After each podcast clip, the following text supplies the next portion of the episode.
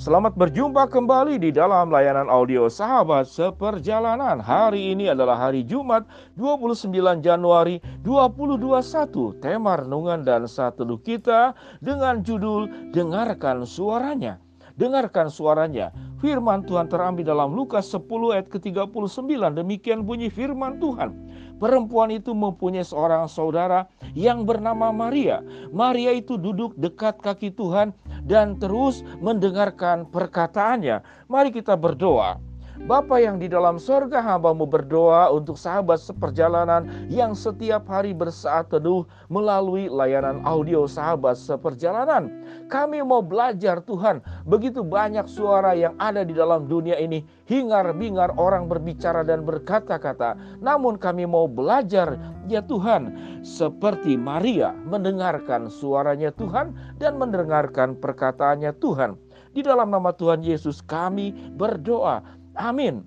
Sahabat seperjalanan yang dikasih Tuhan di dalam dunia ini dan selama kehidupan kita, kita sudah terbiasa mendengar berbagai macam suara berbagai macam perkataan dari berbagai macam manusia, termasuk diri kami sendiri. Dari kecil kami mendengarkan suara orang tua kami. Waktu sekolah kami mendengarkan perkataan daripada guru kami.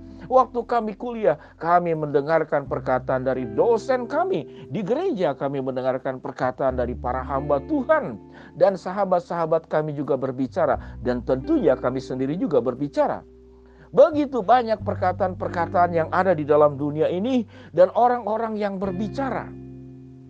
Dan yang menarik, orang semakin berumur biasanya berbicaranya terus semakin banyak namun kemampuan mendengarnya semakin berkurang. Apa yang dimaksud kemampuan mendengar semakin berkurang? Yang pertama tentu karena bertambah usia, telinga secara fisik itu kemampuan mendengarnya semakin berkurang. Yang kedua, ini adalah yang masalah yaitu tidak mau mendengarkan. Jadi kurang peduli, kurang bisa memahami perasaan orang dengan mendengarkan keluh kesah, problem hidup.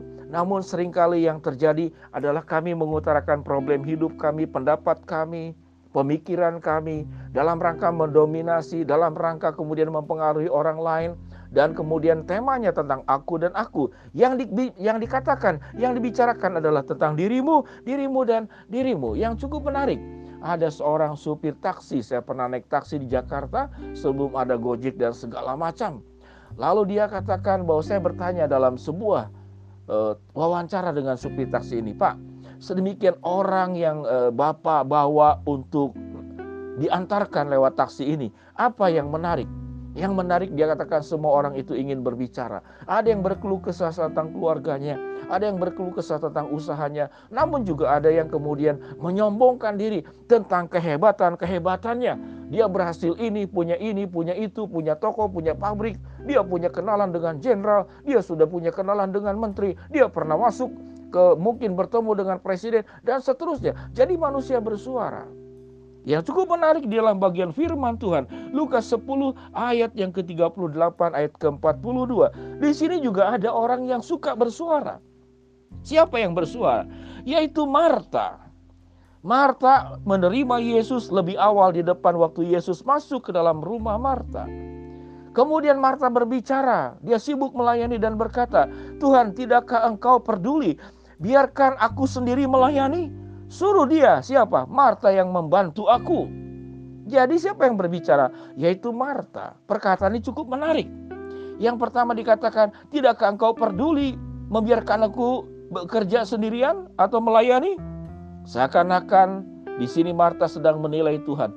Kok Tuhan diam saja? Aku sibuk sendiri. Mengapa tidak suruh Maria? Jadi yang kedua adalah Marta merasa lebih pandai dari Tuhan. Tuhan kenapa sih harus diajari? Sehingga saya harus berkata-kata kepada Tuhan. Seharusnya tidak perlu saya berkata-kata kepada Yesus. Yesus sendiri yang harus memerintah Maria supaya melakukan dan membantu. Bukankah engkau datang? Aku yang melayani sendirian. Yang cukup menarik, inilah gambaran daripada Marta. Merasa lebih tahu dari Tuhan, merasa lebih hebat daripada Maria, merasa lebih hebat dari orang lain. Sikap merasa lebih tahu dan merasa lebih hebat, ini sifat manusia. Dan itu dikatakan kepada orang lain biasanya tentang diri kita. Atau tambahan satu lagi, yaitu keluhan. Aku tidak bisa, aku tidak sanggup, aku jelek, aku tidak mampu, dan seterusnya. Itu manusia yang bersuara. Suara-suara masih kalau tidak menyombongkan diri, kalau tidak memerintah, ego yang keluar, atau kemudian suara-suara keluhan, suara-suara optimis di tengah-tengah suara manusia yang berdosa di dalam dunia ini. Kita bertemu sering kali kemudian terjadi konflik karena bersuara satu dengan yang lain. Tatkala perkataan keluar sifatnya gosip. Tatkala suaranya keluar sifatnya mengadu domba. Tatkala perkataannya diucapkan menyombongkan diri. Tatkala dia berbicara menyakiti hati orang lain. Itulah sifat manusia. Mana yang benar manusia itu berkata-kata. Sehingga setiap kata-kata yang kita keluarkan itu perlu disteril. Bagaimana cara mensteril kita itu berbicara, kita bersikap, kita berkata-kata. Orang yang bijaksana di dalam berbicara, orang yang bijaksana di dalam berkata-kata, perkataannya sejuk, perkataannya membangun, perkataannya memberikan semangat. Kalau dia sudah terbiasa mendengarkan suara Tuhan. Orang yang mendengarkan suara Tuhan, kata-katanya itu penuh dengan kekudusan. Sahabat seperjalanan yang dikasih Tuhan. Dosa tidak hanya dalam bentuk yang dilakukan oleh perbuatan kita, oleh tangan kita, oleh kaki kita. Namun dosa juga sering kali diperbuat oleh mulut kita yang jauh lebih berbahaya daripada dosa-dosa lain. Seseorang yang bijaksana di dalam berkata-kata, kalau dia sudah terbiasa itu mendengarkan suara Tuhan. Itu yang dikatakan perempuan itu mempunyai seorang saudara yang bernama Maria. Maria itu duduk dekat kaki Tuhan dan terus mendengarkan perkataannya. Bagaimana kita mendengarkan perkataannya? Sewaktu sahabat seperjalanan mendengarkan renungan sahabat seperjalanan ini, maka sahabat seperjalanan sedang belajar mendengarkan suara Tuhan. Waktu engkau membaca Alkitab dan bersaat teduh, maka engkau sedang belajar mendengarkan suara Tuhan. Sewaktu engkau bersaat teduh hening, engkau tidak berbicara, engkau hanya berdua dengan Allah. Di dalam tempat yang sunyi, engkau berdua di dalam keheningan. Engkau mendengarkan suara Tuhan. Doamu tidak hanya berbicara tentang permohonan dan keluh kesah. Waktu dalam keheningan, engkau mendengarkan suara Tuhan. Dan Tuhan berkata apa kepada Maria? Tetapi hanya satu saja yang perlu. Maria telah memilih bagian yang terbaik yang tidak akan diambil daripadanya. Apa arti daripada ayat ini?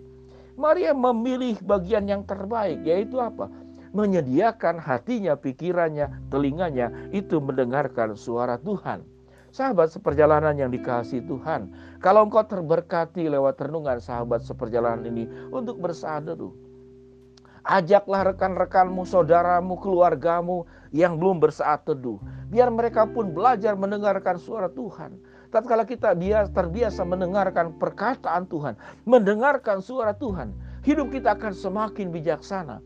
Sewaktu kita mau marah, firman Tuhan mengajarkan kelembutan hati. Engkau menjadi orang yang bijaksana. Sewaktu engkau mau berbuat dosa dengan kata-katamu, dengan fitnah dan gosipmu, Tuhan kemudian mensterilkan hati dan pikiranmu. Sehingga yang keluar daripada mulutmu, dari perkataanmu adalah perkataan yang penuh dengan kekudusan.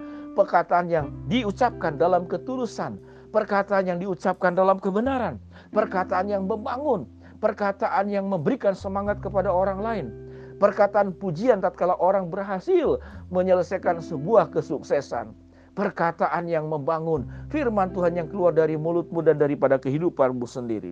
Sahabat seperjalanan yang dikasih Tuhan, begitu banyak suara di dalam dunia ini termasuk engkau yang suka berbicara. Berhentilah untuk berbicara dan dengarkanlah suara Tuhan terlebih dahulu. Dengarkan suaranya. Mari kita berdoa. Bapak yang di dalam surga hambamu berdoa buat sahabat seperjalanan yang sedang sakit di rumah sakit ataupun di rumah. Tuhan jamah, Tuhan sembuhkan. Buat sahabat seperjalanan yang sedang menghadapi tantangan, kesulitan, rintangan, problem dalam kehidupan ini yang berat. Tuhan yang membukakan jalan. Buat sahabat seperjalanan yang sedang berdoa, memohon sesuatu kepada Engkau ya Tuhan. Engkau dengar seruan doa kami dan Engkau akan kabulkan sesuai dengan waktu, rencana, dan kehendakmu. Terima kasih ya Bapa.